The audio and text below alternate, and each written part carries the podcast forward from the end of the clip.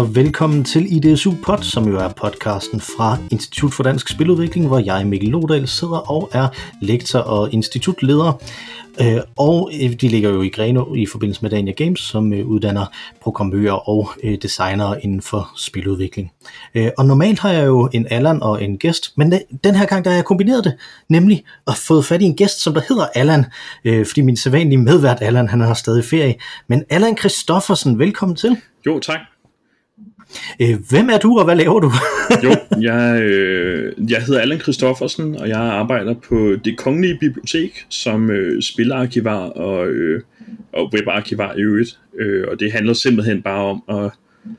Øh, vi er de officielle ansvarlige for at sikre, at alskens dansk kulturarv bliver bevaret, øh, og det betyder, at via en pligtafleveringslov får vi, øh, får, får vi indsamlet alt, hvad der ligesom udkommer af, af dansk her, herkomst, heriblandt computerspil øh, og det danske internet. Øh, og så sidder jeg og sørger for, at vi får indsamlet, hvad vi har brug for, og at det kommer i bevaring.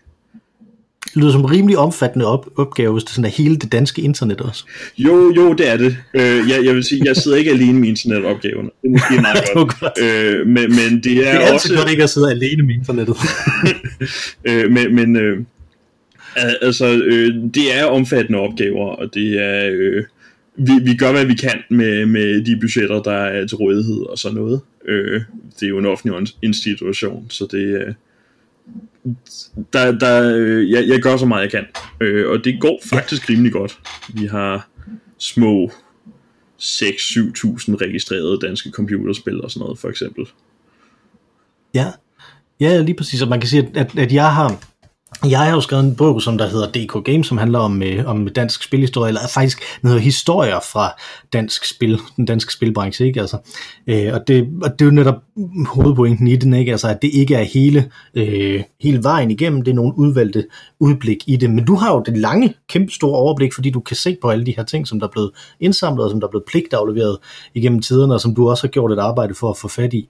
Øh, og det er det, som jeg synes, der er så interessant ved at skulle snakke med dig, og jeg håber, vi kommer til at snakke flere gange, fordi jeg vil godt dykke ned i, i en periode, som jeg ikke ved særlig meget om, øh, fordi at den ikke rigtig er, er dukket op, når jeg har, når jeg har skulle vælge de her historier, øh, og når jeg har kigget på det, og den faktisk også kommer på et tidspunkt, hvor jeg sådan personligt var en lille smule uden for øh, spil, nemlig mens jeg tog min øh, universitetsuddannelse, som handlede om noget helt fuldstændig andet.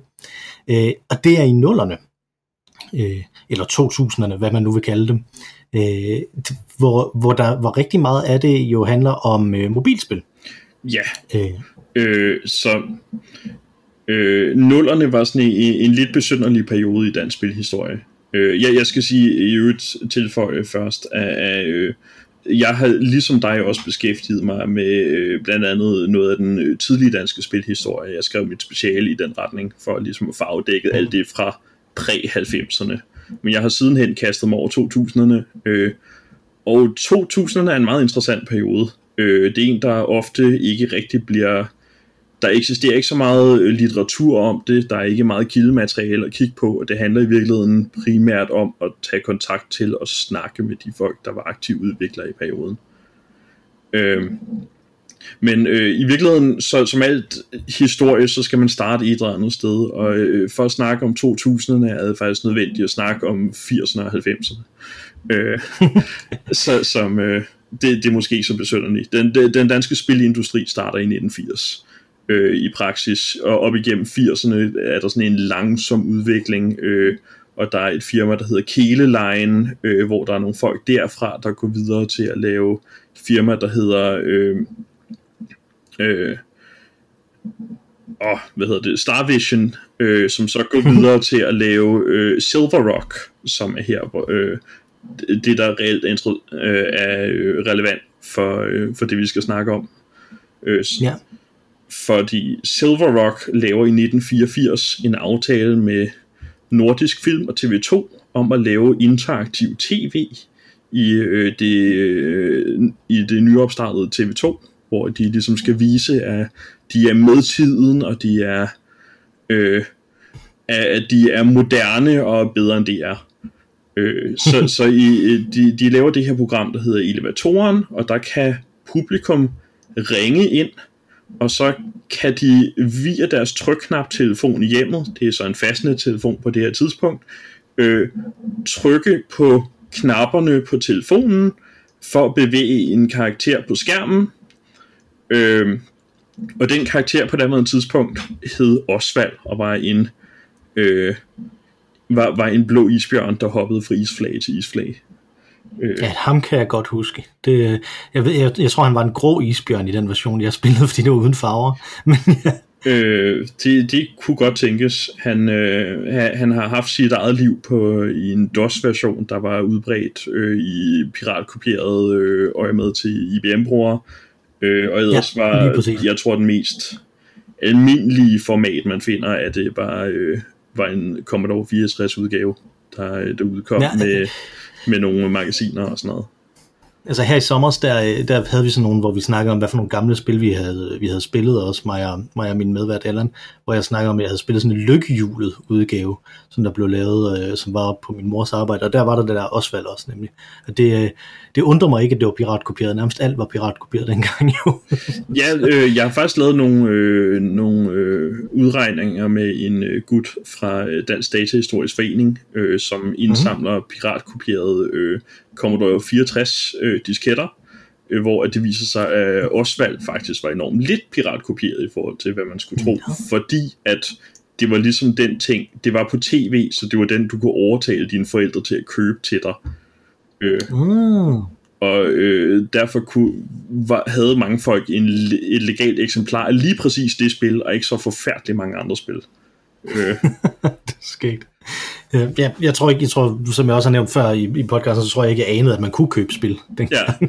jeg tror bare, det var noget, der sådan flød rundt ja, ja, i æderen. Altså, man, man kan sige, at det var også rimelig godt reklameret for, øh, både via mm. øh, uafhængige computerbladet på det andet tidspunkt, som ligesom udgav det, øh, men også øh, bare via tv-programmet, ikke?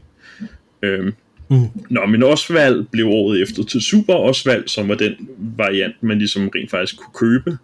Øh, der var en udgivelse af Osvald til, øh, til Amiga, men ikke herhjemme i Danmark. Øh, mm. der, der, det var en rent amerikansk udgivelse, øh, som er et rimelig svært opdrive i dag. Øh, men det, det vigtige her er sådan set, at det starter med at være sådan et, et spil, du spiller på tv, og så sidder du og trykker på din telefon. Øh, og Osvald var en relativt stor succes, men på grund af noget intern drama i firmaet, så var, øh, var man nødsaget til at finde på en ny karakter, og det blev så til skærmtrollen Hugo, som der nok i virkeligheden er væsentligt flere folk, der, øh, der er bekendt med i dag. Også fordi han ikke lige pludselig forsvandt efter 80'erne. øh, jeg var faktisk meget, meget aktiv, og øh, Silver Rock blev til ITE, øh, Interactive Television Entertainment, øh, mm. som var ligesom en øh, powerplayer i 90'erne, hvor at den danske spilindustri i det store hele var edutainment-spil til børn.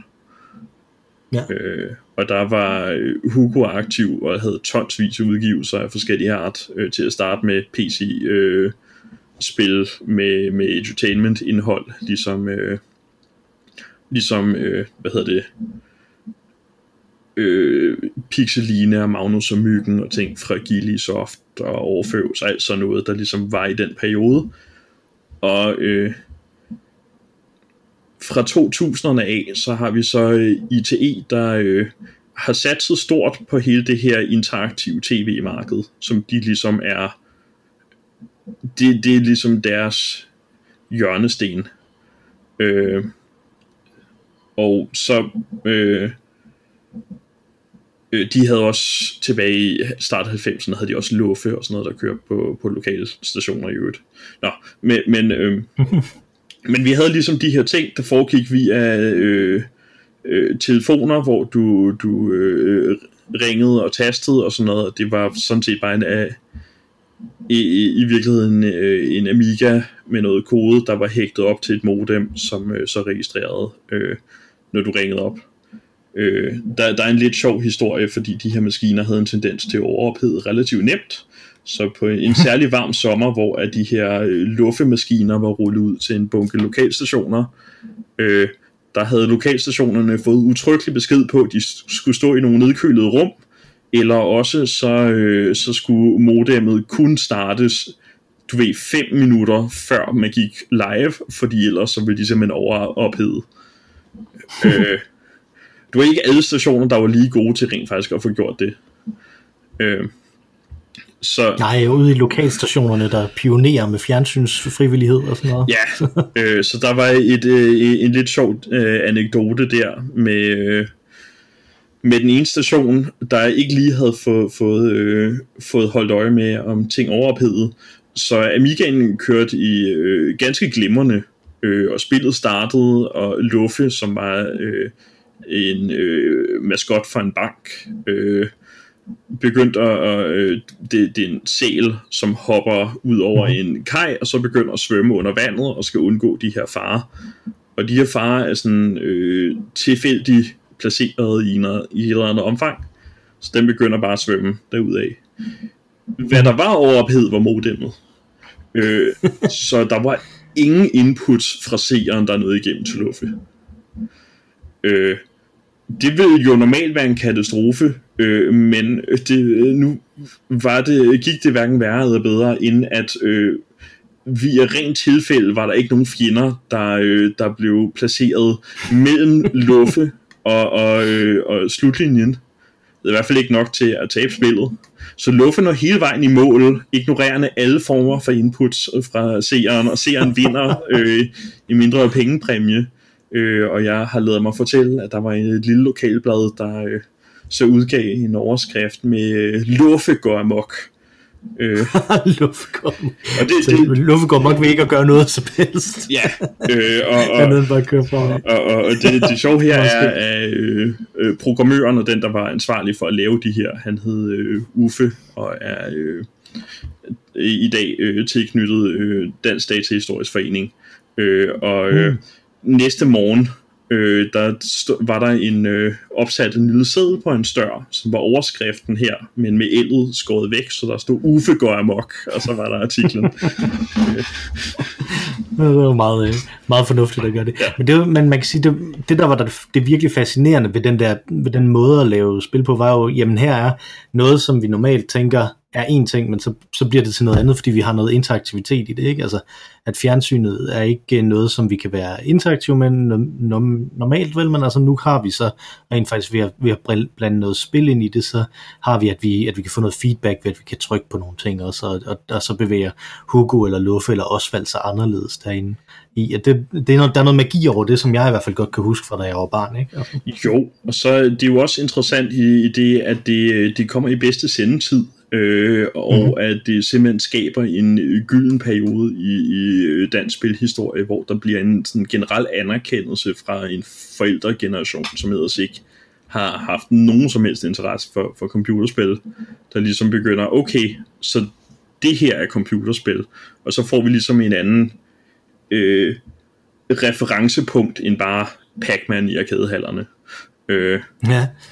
Eller Pong. Ja, lige det, øh, nu, nu må vi se, det, det begynder at blive sværere og sværere at nå frem til nullerne. Men ja, ja. nu skal vi, jeg, vil lige, jeg vil lige spørge dig om en anden ting også, fordi det, her, det er jo samtidig med demoscenen i virkeligheden også. Øh, der i 90'erne og sådan noget, ikke? Altså, øh, hænger det sammen også, at, at, at forældre de ser, at de her ting, det er noget, som der eksisterer, noget, som der kan, som, som, som der bliver ligesom valideret, så, så støtter de op om, at deres, at deres øh, teenagebørn også ligesom kan, kan arbejde for noget, øh, arbejde med det her inden normalt. Tænker du, at der er en sammenhæng der? Altså, jeg, jeg må indrømme, at jeg er ikke øh, nær så stort, øh, så stor ekspert i demoscenen, som jeg ville ønske, jeg var. Men øh, mm. vi ser i den her periode en bunke unge øh, danskere, der får lov til at tage til USA og øh, udleve deres drømme om at lave spil. Og der har vi mm. nogle, øh, nogle senere øh, øh, IO Interactive-drenge, der laver spil, og vi har nogle tidligere øh, Søren Grønbæk og så noget, der, øh, der laver Sword of Sodan, og øh, en bunke folk, der ender med at arbejde hos øh, Bethesda, som, øh, som jo i, her i 90'erne havde en rimelig stor mængde danskere ansat. Øh, mm. Det vil også sige, at Elder Scrolls og Terminator-spil og sådan noget øh, er under dansk ledelse på det her tidspunkt. Øh, så, Spændende. Så noget da, øh, support må der ligesom have været hjemmefra, ellers tror jeg ikke, at der er at, at, at øh, man lige pludselig bare er i stand til at tage til USA og prøve at få, øh, få, få en hverdag til at fungere. Nej, lige præcis. Altså min, min storebror, han var med til at arrangere sådan nogle kæmpe store demo-ting også i Silkeborg, nemlig læng- længere vi voksede op, øh, som kom helt tydeligt af, at, at, at mine forældre også havde en fornemmelse af, at det her det var noget, der var virkeligt. Ikke? Altså, øh, som vi så lidt havde glemt, da jeg begyndte at arbejde med spil. Byg nu med det. Sådan det. Nå, vi skulle videre til nullerne. Ja. Øh, så, så vi har den her spilbranche, som du nu har skitseret, som der er i øh, 80'erne og 90'erne. Hvad har det så at gøre med, med det, der sker i nullerne? Jo, øh, det der sker i nullerne er, at der selvfølgelig har været dot-com øh, boom og bust, øh, og at spilindustrien lige pludselig faktisk står lidt værre end tidligere. Øh, vi har fået et par store firmaer. Øh, vi har øh, Crea, der udgiver øh, Pixeline. Vi har øh, IO Interactive, der er så småt er begyndt at er midt i øh, deres starten af deres Hitman-franchise. Øh, mm. Men ellers så er det jo øh, ITE, der går for lidt i starten af 2000'erne. Øh, og øh,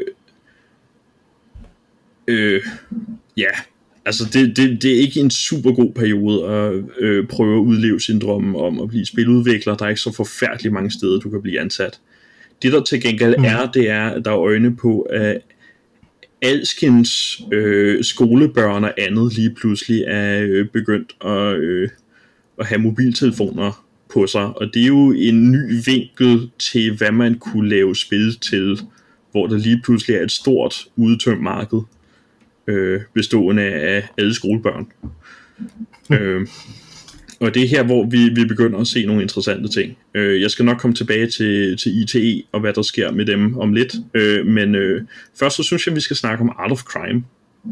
Øh, og det er ikke sikkert, at det er et navn, der lige umiddelbart siger folk noget, men det kan være, at øh, hvis jeg minder dem om, at tilbage i cirka 2003, øh, hvis man øh, samlede Anders Sand Company, eller Wendy, eller øh, øh, Vi Unge, eller andet, så vil der gerne øh, være en stor helsides reklame på bagsiden et sted, øh, med enten Crimeville eller De Ni Bud, som er et øh, mobil sms-spil, hvor at man øh, bliver præsenteret på den her reklameside for en eller anden form for mysterie, og øh, så er det i virkeligheden et deduction-spil, hvor øh, øh hver spiller øh, sender en sms til et nummer, og så får de nogle, øh, nogle øh, clues øh, til deres karakterer, øh, og så skal de prøve at regne sig frem til, hvem det er, der er den skyldige i det her mysterie.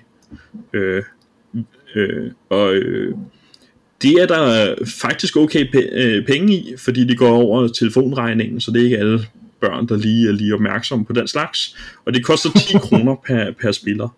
Øh, så det er jo også penge, når, ja. når det er noget, der er på alle vi unge magasinerne og sådan noget. Øh, og det bliver faktisk en okay succes. Senere bevæger firmaet sig videre til at lave nogle flashspil og sådan noget i det her Crimeville-univers. Øh, der kommer noget i Bubba, øh, Bubbas, øh, Bubbers søndagsklub, øh, hvor der kommer nogle flash-reklamer og sådan noget, der bliver afspillet.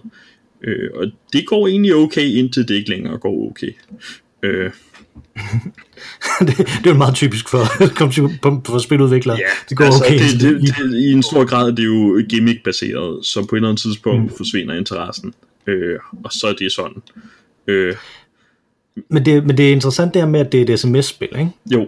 Uh, Fordi at, at når vi tænker et mobilspil, så tænker vi jo typisk touchskærm, og at der er nogle øh, effekter der på, og noget grafik og den slags, ikke? Altså, men, det, men det her, det er jo så ren tekst i virkeligheden spillet, Ja. som så er kombineret med det her, øh, med de her reklamer. Så det er vel i virkeligheden en form for augmented reality-spil.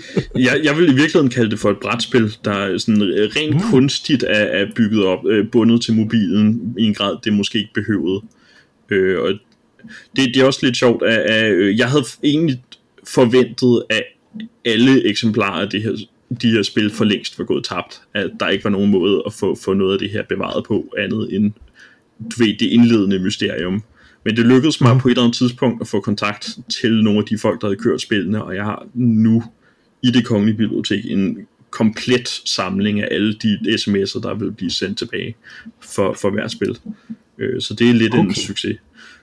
Ja. Øh, nå, men øh, fra, fra øh, Art of Crime videre til andre øh, sms-spil, der øh, øh siger jeg, det, det er en lidt senere ting i, øh, det er faktisk efter resten af den her periode, men øh, på et tidspunkt var der nogle øh, biblioteker og andet, der, øh, der prøvede kræfter med at udgive noveller per sms, øh, via et firma, der hedder SMS Press. Øh, og der er et par af dem, der er interaktive, øh, og det, det er jo så decideret interactive fiction, det er i virkeligheden noget choose show and adventure-agtigt. Øh, mm. Meget, meget, meget basalt. Men der er noget der, der ligesom i virkeligheden er en viderelevelse af det, vi startede med i Art of Crime via samme medie, og det er så i 2010'erne, at det foregår. Øh, mm. øh, hvor, hvor populært det har været, skal jeg ikke udtale mig om, men, øh, men det er en viderelevelse af det. Øh, hvad der måske er mere udbredt på daværende tidspunkt her i 2000'erne, det, det er jo så alle de her mobilspil til de tidligste mobiler, der kan køre software. Øh, mm. Og det er jo øh, primært de her øh, Java-baserede øh, J2ME-spil, som en bunke øh, øh, udviklere begynder at kaste over. Det her, hvor, hvor vi først ser Progressive Media, og vi ser øh, øh, Porterplay og øh, Kilo og andre sådan, øh, større spillere stadigvæk i dag, der, der ligesom får mhm. deres start her, via en stor række af til, til at starte med var, var det meget øh, du, du ved øh, ny IP vi havde Watergame der lavede Era of Eidolon og sådan noget øh, som mm. var altså øh, øh, originale værker i en eller anden art øh, men det ender i løbet af, af den her periode relativt hurtigt med, at man tager bestillinger, øh, det kommissioner på spil, og så får man ligesom øh, konstant nye penge til firmaet, så man kan fortsætte med at have folk ansat og sådan noget, og det bliver en rimelig stabil øh, indkomst, og det er det, i, kan jeg forstå stadigvæk, at Porterplay er måske en af de bedste steder i spilindustrien arbejde, hvis man gerne vil have et arbejde uden crunch og med ordentlige medarbejdere øh, øh, fordele og sådan noget. Øh, og så kan man snakke om i hvilken grad, at det er øh, det er, at man kunne udleve alle sine kreative drømme, men noget øh, har de der lavet. Det var dem, der lavede øh, Broken Lions her sidste forrige år, tror jeg. Ja, øh. ja man kan, jeg tænker, man kan også en, en af de ting, som der er interessante ved det her, er, at du snakkede om før, at, at der, var, der var ikke så mange forskellige store steder, man egentlig kunne arbejde på det her tidspunkt i den danske spilbranche. Men så er der jo så netop de her steder, som i stedet for at lave store produktioner, så laver mange små produktioner. Og det giver jo også en eller anden anden form for erfaring. Ikke? Altså det der en af de ting, som man snakker meget om, øh, når, man, når man øh, rekrutterer i spilbranchen, det er, har du shippet noget? Har du, har du prøvet at lave noget, som der rent faktisk kommer ud? Ikke? Og det må man jo sige, der er mange, som der så får oparbejdet en masse erfaring med, rent faktisk at få lavet nogle spil færdige, få dem ud og få dem til at køre og, og se, om det virker her. Ja, og der er også en stor mængde teknisk kompetence, du udgives i den her periode, for når du laver mm. spil til nogle meget specifikke, meget små systemer, så skal der relativt meget til at få dem til at køre godt, og øh, det er jo alt sammen øh, mobiler med meget små skærme, meget, meget små resolutions, som alle sammen er meget mm. forskellige, som du skal få det tilpasset til, som hver eneste telefon fik ligesom shippet sin egen udgave af spillet. Øh, og det er jo, øh, det, det må have været noget af, af en opgave, øh, forestiller jeg mig. Øh. Ja, fordi det, det er noget, man snakker om nu i, i AAA-produktion. Nu ikke, der er der mange sådan, der, af dem, som der arbejder på det, der bliver motiveret af, hvor flot kan vi lave det, hvor meget kan vi, øh, øh hvor meget grafik kan vi lave, og hvordan, hvor responsivt kan vi gøre det øh, i den her verden, der er, og sådan noget. Ikke? Altså, øh, hvor, hvor det i virkeligheden, man tænker om, det må være nemmere at lave til de her øh, små ting, hvor der ikke er så meget, øh, hvor der ikke er så meget krav. Nej, fordi der faktisk netop er sådan nogle fuldstændig specifikke tekniske krav, som man så skal leve op til, så det er også stadig en ret interessant udfordring for, øh, for de folk, som der sidder og, og laver de her spil, ikke? Altså sådan teknisk og, og for den sags skyld kunstnerisk også, ikke? Altså hvordan får vi det her til at, til rent faktisk at fortælle en historie øh, og, og til at og, og virke som et spil, selvom det er så småt. Og, og, og det, det, det er jo det, der er sjovt, fordi vi har for eksempel ports af, af en bunke flashspil, øh, Power Babe og Mujaffa-spillet til, til nogle af de her telefoner i den her periode, øh, mm. bestilt af DR og Flash er jo interessant, fordi det netop er vektorbaseret øh, art, at det skalerer enormt flot opad, men øh, det oversættes ikke super nemt til bitte små pixels. øh, så det må også have været lidt af en opgave. Øh, og øh, der er nogle meget, meget interessante ting, der sker i den her periode. Vi har en, øh, fra third person er der sådan en række spil, Mislead er der en hel serie, der hedder, hvor at øh, hver spil har sin egen kvindelige hovedperson, øh, og så det er noget mysterie i det andet. Øh, mm. Og der, der sker nogle, nogle spændende ting her, øh, men måske mere spændende er en af de andre alternativer, der opstår i samme periode, som har mange af de samme problemer i forhold til øh, udvikling til øh, begrænsede systemer. Og det er NDS, som øh, gør, øh, opkøber øh, resterne af ITE, får fat i en masse af de afskedede medarbejdere fra Deadline, som, øh, som du selv har skrevet om, hvad der skete med dem. Mm. Øh, opkøber et dansk firma, der hedder Visionic, der har lavet nogle spil til set-top-bokse, og så går hårdt ind på set-top box-marked i hele verden opnår i... Set-top box, hvad er det? Jo, så en set-top box er øh, i virkeligheden den boks, du tilslutter dit satellit- eller kabel-tv til, for at den kan decode øh, de signaler, du, du får, og så kan du navigere via den software, der er på set-top-boksen. Okay, så det ligner lidt ligesom, hvis man har kabel-tv nu sammen sådan en YouTube, eller YouTube UC-box for ja, eksempel, ikke? og e- NDS var et øh, israelsk firma, der, der øh, gjorde sig i sådan noget med, med afkodning og adgang øh, til content. Og ideen, øh, det de lavede, det var, at de lavede sådan nogle kort, du kunne sætte ind i, og så unlockede det, øh, øh, decodede det content, du fik sendt via af, øh, de her øh, tv-stationer, øh, tv-signaler. Øh, og det betød, at de spil, der var til de her bokse, de skulle kunne køre på set-top box hardware, som er sådan relativt begrænset. Det er noget svarende til en DVD-afspiller i virkeligheden. øh, og øh, måske en anelse kraftigere. Og så skal det være noget, hvor den, de kan sende det hele via det tv-signal, så det kommer med som et ekstra enkrypteret lag i der, som det så decryptes, så der, øh, du har en load-tid, der ikke skal være alt for lang, men du venter simpelthen på, at spillet når at ankomme via det her signal, hvilket det gør med et vis interval, øh, hvor det skifter frem og tilbage mellem de forskellige spil, som de forskellige tv-stationer eller services udbyder. Øh, Øh, og det her, at det kan være, der er nogen, der kan huske det, men øh, Cartoon Network og andet i den her periode havde så nogle små reklamer oppe i hjørnet, der engang imellem dukkede op, hvor de sagde, nu kan du interagere med det her spil, øh, med den her udsendelse ting, øh, ved, ved at du fra din set-top box kan starte det her spil, som vi har, og så kan du spille et eller andet øh, frygtløst, øh, øh, frygtløst den frygtsomme hund baseret spil, øh, hvis du har betalt, for at kunne unlock det. Og ideen i det er simpelthen, at det så imens, at der er reklamepauser eller et eller andet, så kan du sidde og spille et lille spil op i hjørnet, øh, og så bliver du på kanalen, øh, i stedet for at sætte videre. Øh, og det var simpelthen mm. hele salgsmotivationen her. Øh, og der kommer små 300 spil af dansk herkomst til, til set-top-bokse, der regelmæssigt bliver skiftet ud. Øh, mange af dem er kloner af hinanden. Og de kører så på den her sindssygt begrænsede hardware, Øh, jeg skal fortælle, at øh, for at vise, hvad de kunne, der lavede de et spil, som var det mest imponerende ting, som de brugte hver gang de skulle sælge det til steder. Det hed Choppy. Det var et øh, side-scrolling shoot-em-up spil. Øh, og øh, det, du kontrollerede en lille Kirby-udseende figur med en lille øh, propel på hovedet, øh, som skød mod ting. Og grunden til, at det var så helt ufatteligt revolutionært øh, for den platform, det var, at det var programmeret 100%, 100% i assembly, sådan så de kunne køre okay. og udnytte alle systemressourcer, sådan så de kunne få en scrolling background til at fungere. Øh, og det var det eneste spil, der kunne det til den her platform. Øh, og det var øh, noget, der, øh, der sørgede for, at de virkelig blev sådan industriledere på det her område, og øh, det og så nogle ja. shady business tactics, der også foregik.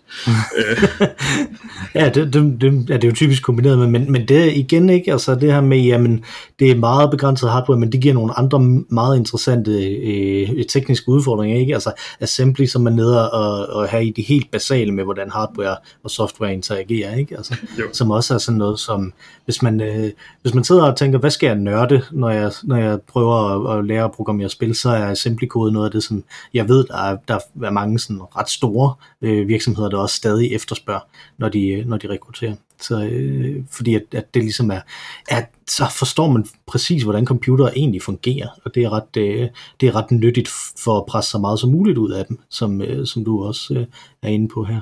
Men hvad, så, så langt hen ad vejen, så kan man jo sige, at, at det, man går fra at have det her ret store, den her ret store, ret succesrige spilbranche i 90'erne, og så har vi det her mere eller mindre sådan lidt uh, no man's land, hvor der er masser af små forskellige succeser, som der har en, øh, en masse forskellige, hvor de, uh, en masse forskellige teknologier, som de bruger, og, og små steder, som de specialiserer sig indenfor, uh, og også har deres succeser der, til vi så i 10'erne igen begynder at have nogle lidt større succeser øh, som, som der specielt her i slutningen af 10'erne og så op til, op til nu, hvor vi, hvor vi sidder her i 2021, så, så ligesom vokser mere og mere, ikke? Altså, hvordan vil du karakterisere, hvis du skulle prøve at, at, at sige noget om, hvor, hvor passer de her nuller ind i hele sådan, den danske spilhistorie, hvis du skulle opsummere alt det, du har sagt i, i, altså, i en halv time sted på et par år? I virkeligheden er det jo en øh, modningsperiode, hvor vi får nogle øh, industriveteraner, som øh, til dels mhm. øh, oplever en stor del af den her grind, der kendetegner øh, industrien. Øh, men men øh, også er nogle ufattelig teknisk dygtige mennesker, der forstår få mest muligt ud af nogle begrænsede ressourcer, og øh, øh, altså vi, vi får, får opbygget nogle af de her ældre firmaer, som stadigvæk er aktive i dag. Kilo er en stor spiller, øh, blandt andet. Øh, mm-hmm. og, og det, det er jo, øh, skal vi sige, øh, det, det er det er jo efterdønninger, vi stadigvæk kan se i dag. Det er mange af de samme folk, vi, vi stadigvæk ser hos IO Interactive og, og andre øh, store spillere. Øh, øh, jeg ved, der er mange af de folk, der, øh, der blev sure over, øh, hvor øh, kummerlige nogle af arbejdsvilkårene var, der så senere gik hen og lavede, øh, var, blev en stor del af den efterfølgende indie-revolution, som vi har set. Mm-hmm. Og ligesom hjælper med game jams og sådan noget i dag. Øh, så altså, der er jo linjer igennem det hele. Øh, jeg tror ikke, der er, der er så mange, der savner den her periode, vil jeg sige, men, men, mm. øh, øh, men det er jo noget, der har haft efterdønningerne, selvom der ikke er nogen af os, der i dag kan huske spillene fra, fra perioden. Øh, men men vi, vi mærker e-, effekterne af de folk, der har øh, øh, der, der, øh, der blev øh, øh trænet under den her periode. Ja, og, det, og jeg tror også, det er det, som, som jeg synes, der er så fascinerende, hvis når man kigger på det lange blik med, med spiludvikling, ikke? Altså at øh, man har en tendens til at fortabe sig i de her store virksomheder, de her store navne, men det der i virkeligheden typisk sker, det er, at folk de går ind og ud af de her øh, virksomheder, virksomhederne går op, og virksomhederne går ned, men det er de samme mennesker, som der så bliver ved med ligesom at, at, være, øh, at være engageret i spil, og, og så lære forskellige ting løbende ja, ja, ja, ja, i, i andre ja. konstellationer. Jeg snakkede med en øh, udvikler, der var aktiv i den her periode her, øh, og han snakkede om, at du ikke den danske spilindustri er ikke som sådan en dansk spilindustri. Det er et dansk community af spiludviklere, og det er de samme mhm. folk, man støder på over det hele. Øh, ja. Øh, det er så selvfølgelig med, med, øh, med, med øh, med, med den store øh, uddannelsesmæssige øh, fokus, der har været i de senere år, er, har vi jo så set et stort boom af øh, udviklere, der er kreative og dygtige i alle mulige retninger, øh, som bryder ind på scenen og, og ja. øh, ligesom får noget much needed kreativitet ind øh, efter den her periode. Øh, Øh, ja, men hvad kan man sige, det er, jo, det er jo en helt anden historie, som vi kan komme tilbage til en anden gang, Allan. Bestemt. Fordi nu er vi nemlig ved at løbe tør for tid her, men du skal lige have tid til at plukke ting her til sidst. Hvad, har du et eller andet, som, øh, som hvis man nu har hørt det her øh, afsnit igennem, når man synes, det lyder da enormt spændende, det her, som Allan han sidder og laver, hvad skal man så gøre for at hjælpe dig med det, eller for at finde ud af mere om det? Jo, Øh, så øh, som sagt, jeg, jeg arbejder hos det kongelige bibliotek, og øh, min store passion her er at sørge for, at vi får bevaret alt af, af øh, det her digitalt født kulturarv. Øh, alle de her spil fra den her periode, og netop som jeg kom ind på, meget af det her er meget, meget svært at bevare, så vi leder altid efter folk, der har overlevende eksemplarer af øh, ZX øh, Spectrum spil fra 80'erne, eller øh, har, har kildekode til noget af det her, hvis der er nogen, der har noget liggende. Vi tager meget gerne imod det. Det behøver ikke at være ekstremt obskurt.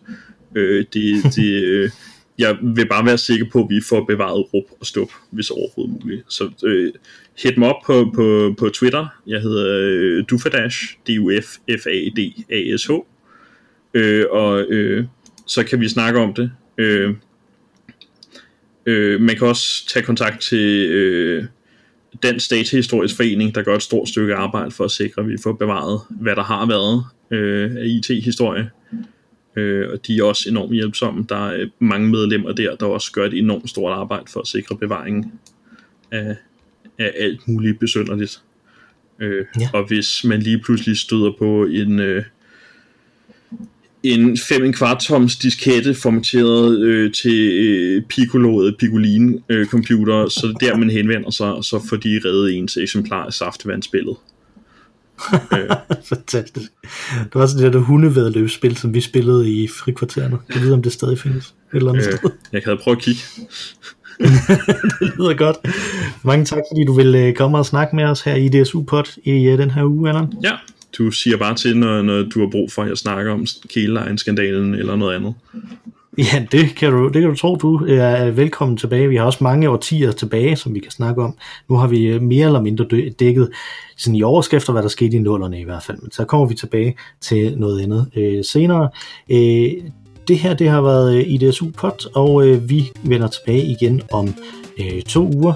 Tak fordi I lyttede med.